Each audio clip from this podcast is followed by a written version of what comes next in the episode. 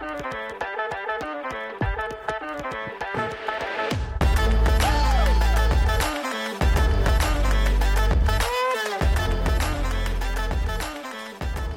vi i gang. Velkommen til en ny episode av podkasten Hva skjer, eh, Oslo?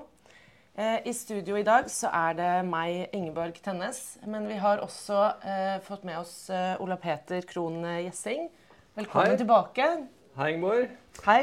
Eh, vi har jo et uh, hovedtema i dag som er uh, økonomi, og det er jo noe du kan veldig mye om. Så um, velkommen.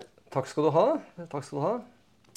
Eh, Men eh, vi skal over til dagens gjest, og det er eh, Mehmet eh, Khan Inan. Eh, Han er bystyrerepresentant, fraksjonsleder i utdanning og kultur og Oslo Høyres talsperson for samme tema.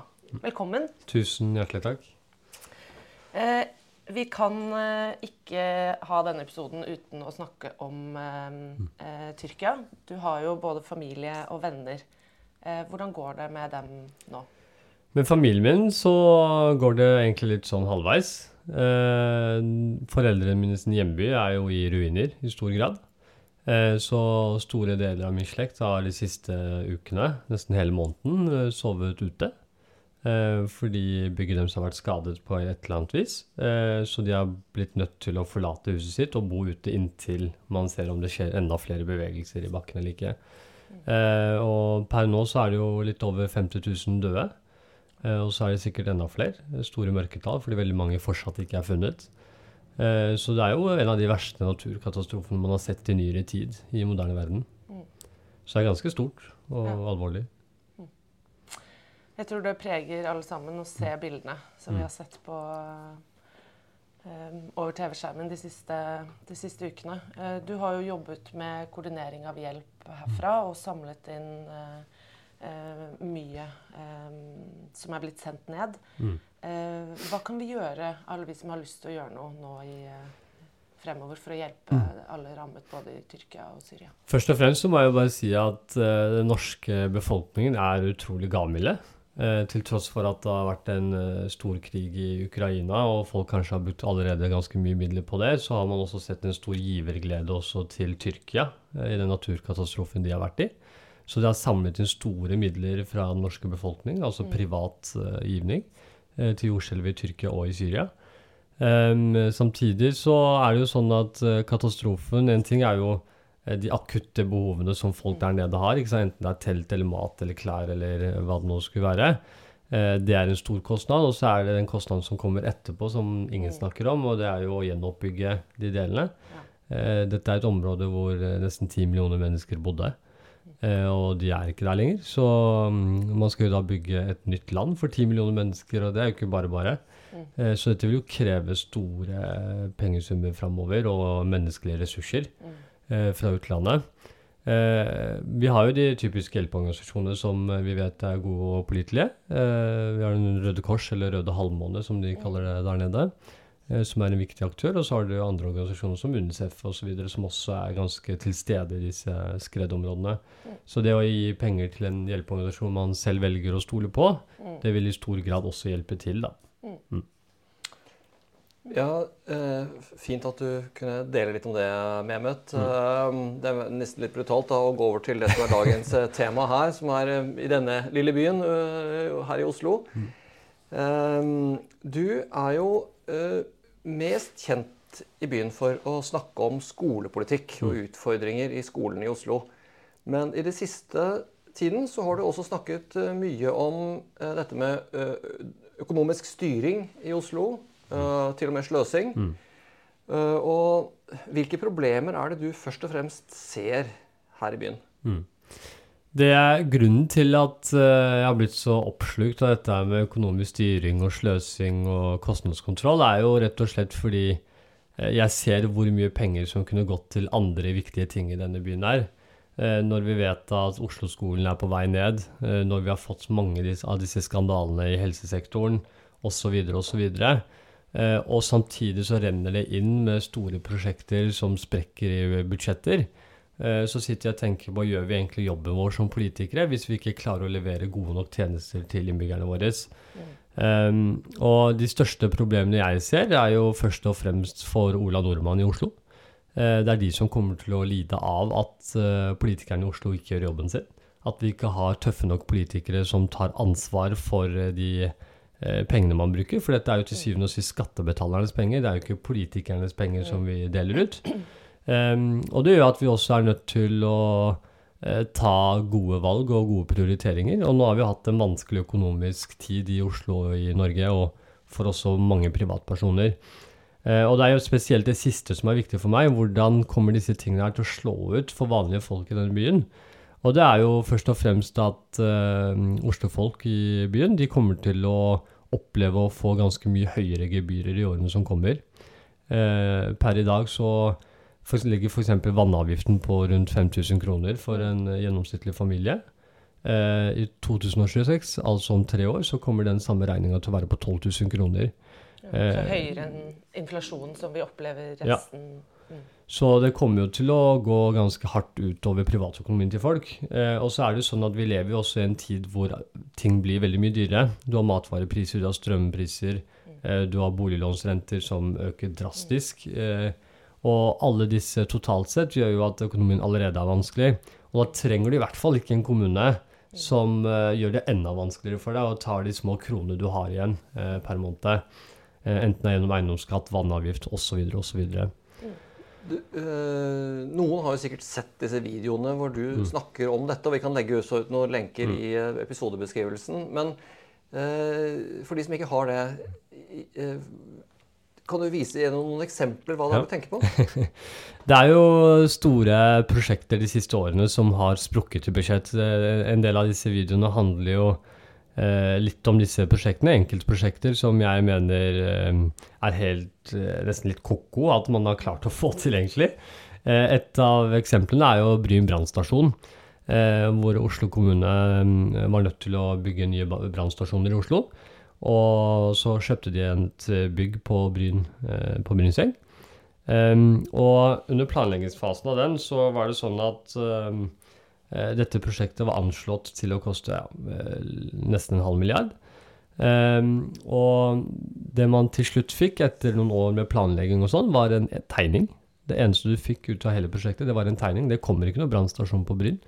Uh, den tegningen kostet ca. 250 millioner kroner eh, altså en kvart milliard.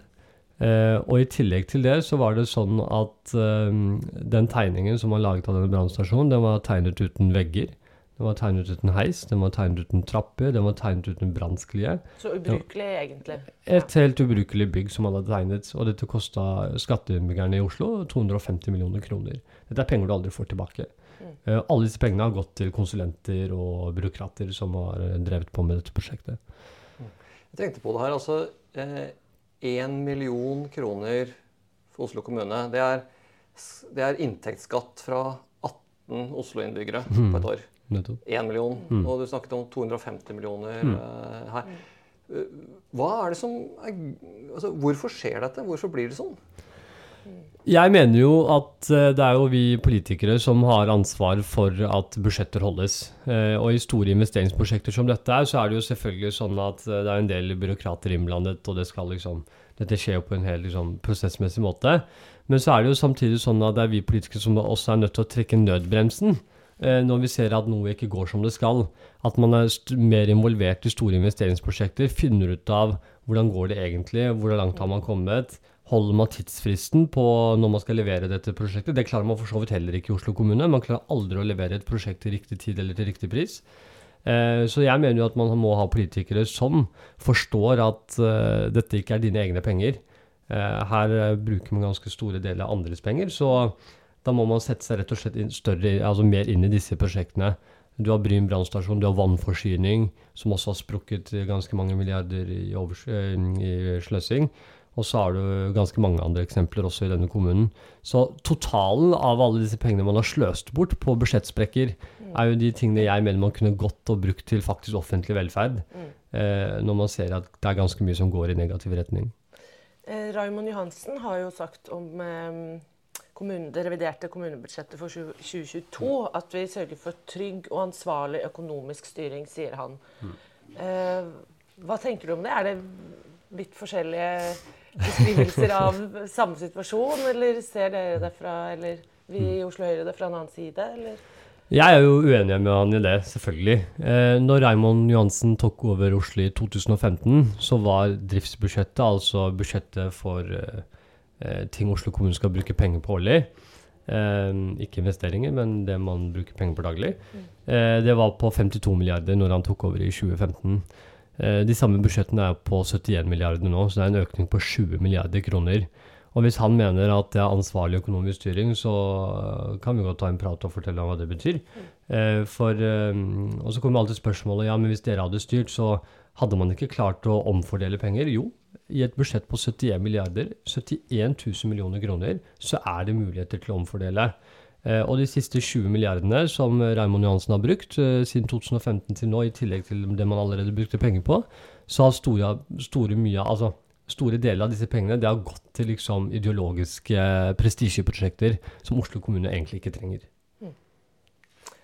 Ideologiske eh, prestisjeprosjekter. Er det noen spesielle eksempler på det som du kan peke på? Mm. Altså i hvert fall Fra det feltet jeg vanligvis jobber med, som er skole, eh, så er det jo ganske mange eksempler på prestisjeprosjekter som utelukkende er begrunnet i ideologi, og som Oslos innbyggere egentlig ikke trenger. Eh, vi vet f.eks. nå at eh, Oslo kommune tar regninga for eh, å betale aktivitetsskolen for mennesker i Oslo som har gans ganske gode inntekter. Det mener jeg er unødvendig at vi skal betale for aktivitetsskolen til familier som har over 3-4 millioner kroner i total husholdningsinntekt. Det har de råd til. Det andre er jo mm, skolemat. Vi vet at de aller fleste i Oslo og i Norge tar med matpakke på skolen allerede, så dette er egentlig ikke et problem.